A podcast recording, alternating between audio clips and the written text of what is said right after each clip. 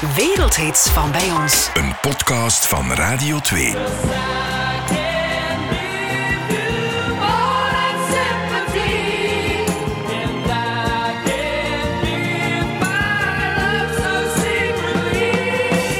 In 1973 scoorde Injas Baart een dikke hit met More Than Sympathy.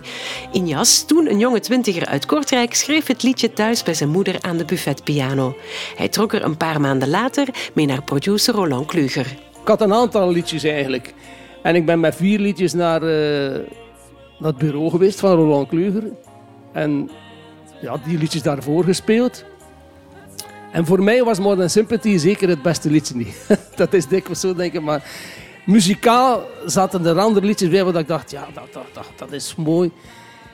En hij was aan het meezingen. Ja, ik kon niet zingen, eerlijk gezegd. Ik denk dat zijn broer Jean heel wat anders is op dat gebied.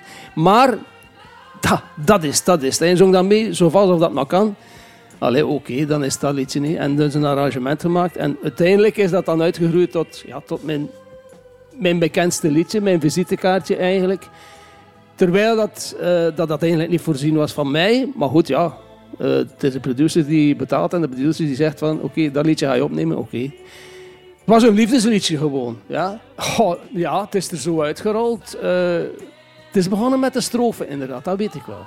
Ik weet niet hoe andere mensen componeren, maar ik heb de indruk dat als je eerst de muziek maakt, voor mij is de muziek nog altijd belangrijker dan de tekst. Alhoewel hij zegt, ja. De tekst ging inderdaad over het feit dat ik uh, uh, bij Christine was, dus, een, meisje waar ik toen samen mee was.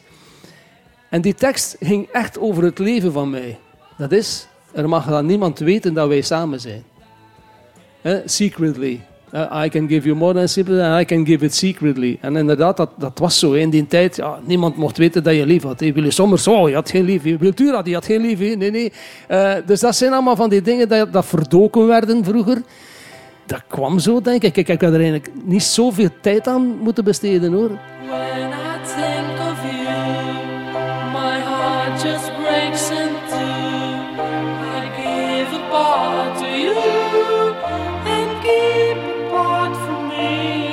Producer en muzikant Babel Lemmes, die al samenwerkte met onder andere Netsky, Natalia en Laura Tesoro, is een oud-leerling van Injas en ondertussen ook zijn schoonzoon. In 2010 werkten Injas en Babel samen aan een nieuwe versie van More Than Sympathy, die Injas opnam met zijn zoon Yuri. When I think of you, my heart just breaks. I give a part to you and keep a part for me. How happy I would be if only you'd agree to make them reunite. Oh, it would be alright. Cause I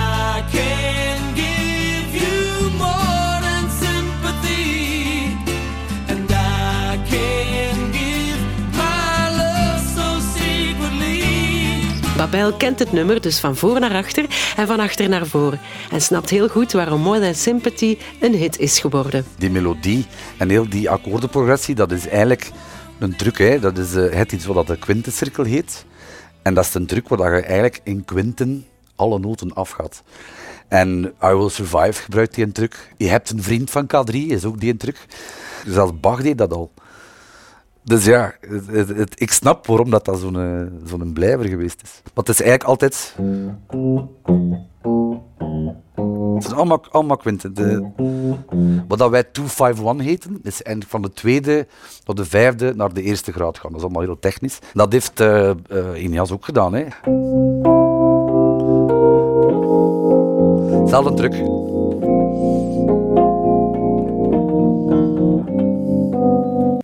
Melodieën die in sequence gemaakt zijn, dus die terugkeren van een toon lager of een toon hoger, zijn altijd dingen die bij de mensen blijven hangen. Maar ik heb dat daarvoor niet gedaan. Dat is toevallig gekomen, dus je zingt dat. En ik denk dat heel veel mensen de strofe veel minder kennen, denk ik, dan het refrein. Dat zou wel. Maar het refrein is iets dat je, ja, dat je direct kan meezingen, zou ik zeggen. Alhoewel dat niet gemakkelijk is. Het, is het is een heel moeilijk liedje om te zingen. Ik heb er nog altijd moeite mee. More Than Sympathy werd snel een groot succes en werd ook opgepikt later in Nederland. We hadden de radio, had ook de televisie, maar er waren niet zoveel programma's.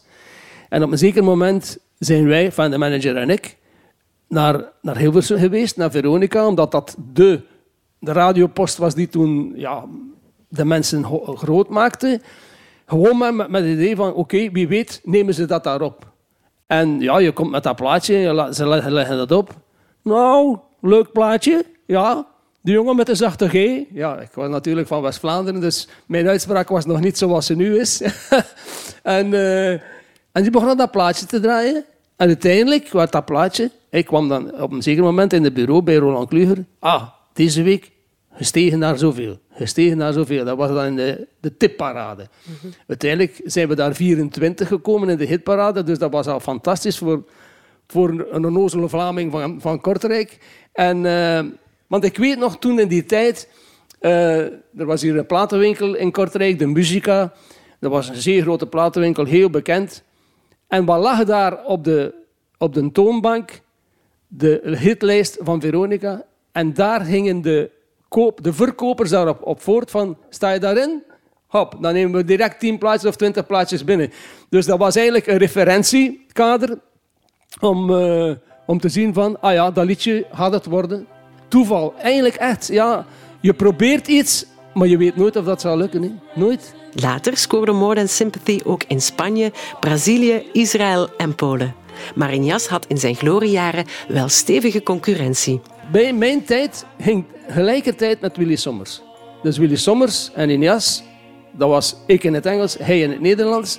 We hadden ook veel reportages samen en fotosessies en weet ik wat al. Maar in het Nederlands stond je 30 keer per maand op de planken. In het Engels stond je 7 of 8 keer per maand op de planken. Dat was een groot verschil. Maar je voelde, ja, dat had geen impact zoals 7 aan 1, 7 rozen. Je kunt dat niet vergelijken.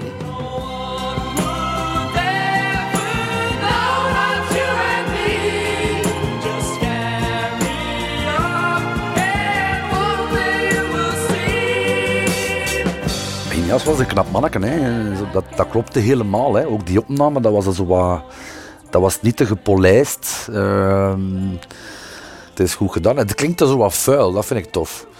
Het heeft juist zijn charme als het wat leeft en wat scheef zit. En, het klinkt gewoon vrij tof en, en eh, eh, organisch gewoon. Wat dan toen populair was, eh, de Who en, en, en de mama's en de papa's en de Beatles ook. Want in, ook in More Than Sympathy hoorden de Beatles. Hè.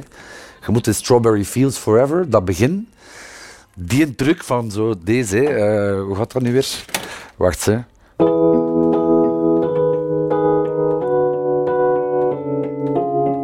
Enzovoort. Hij doet dezelfde truc in het begin met de strijkers. Hij doet hetzelfde. Ja, het klopte helemaal, hè. Injas was een jonge gast van 23 toen zijn liedje uitkwam. En hij luistert nu met compleet andere oren naar zijn hit. Als ik nu luister naar More Than Sympathy, dan zeg ik, oei, oei, mijn uitspraak. More Than Sympathy. Dat was er niet.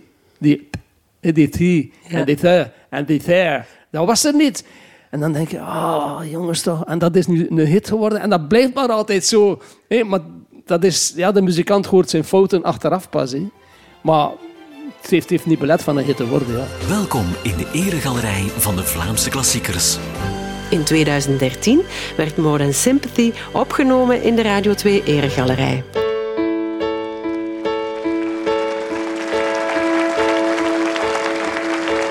When I think of you, my heart just breaks in two. I give a part to you and keep a part for me. How happy I would be if only make them reunite, or it would be alright. Cause I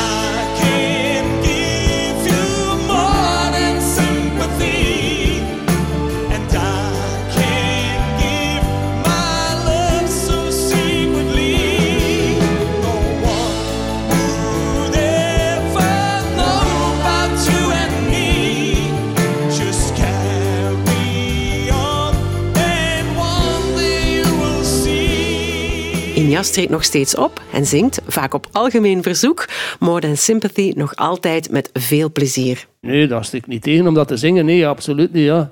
De, mensen, de mensen vragen ernaar, dus dan doe je het wel. Hé. Ik zing het iedere keer. Ja, ik moet iedere keer twee of drie keer zingen. Want je kent dat als je dan het Champagne Weekend in Middelkerken doet. En je zit daar drie uur te spelen. Het eerste uur zeg je, oh, ik ga dat op plaats 8 zetten of iets zo. Maar ik heb een soort volgorde, je zingt het dan. En je zei dan plaats 15. En dan komt er iemand vragen, zeg, ga je dat liedje spelen? En ik zeg, ik heb nog maar eens spelen. Ja, maar kwam je nog niet? dus ja, dan speel je het nog wel eens. Moet het ja, toch minimum twee keer spelen op die drie uur. En soms drie keer, maar ja, maar langs de andere kant wil dat ook zeggen dat je toch iets gemaakt hebt dat blijft hangen. Dus ja. Injas blijft altijd heel bescheiden als het over More Than Sympathy gaat. Maar Bart Peters vindt het een wereldhit. Bart Peters bijvoorbeeld, die is uh, ongelooflijk fan van dat nummer. Die vindt dat een, wereldklassieker. Hè. Die zegt dat elke keer, je schoonvader nog een keer ziet, zeg het hem. Hè. We hebben zelfs samen eens een filmpje opgepakt voor Injas. Waardoor dat hem heel ontroerd was dat de grote Bart Peters zei van Injas, jongen, wat een song, wat een nummer. Een wereldsong, hè. En dat is ook, hè. Dat is ook. Ik ben er nu fier op, maar ik was er toen. Dat is heel eigenaardig. Als je succes hebt, dan besef je dat soms niet op het moment zelf. Je moet wel van hier naar daar en optreden en de mensen en de meisjes juichen en weet ik wat allemaal. Maar eigenlijk is pas als je weet dat je nu in 2013 de Eregalerij, als je weet dat dat liedje zo lang meegaat en nog altijd meegaat, dan mag je zeggen van oké, inderdaad, ik heb een hit gehad. Maar is dat mijn beste? Nee, dat is mijn beste niet. Zeker niet, zeker niet. Ik ben er jaloers op. Maar ja, ik, ik heb nog nooit zo'n nummer geschreven. Uh, dat is toch iets hè, dat je kunt zeggen, ik heb dat gedaan. En ik heb dat gescoord, dat is redelijk uniek. Hè. En zeker in die tijd, in België was er niet zoveel. Ja, dan waren de Pebbles er. En veel meer in het Engels was er niet. Hè. En dan komt zo'n gast uit Kortrijk uh, in 73 bij een Engelstalig nummer. En dat wordt dan een dikke hit. Dat is redelijk uniek in die tijd. Dus ik vind dat wel straf.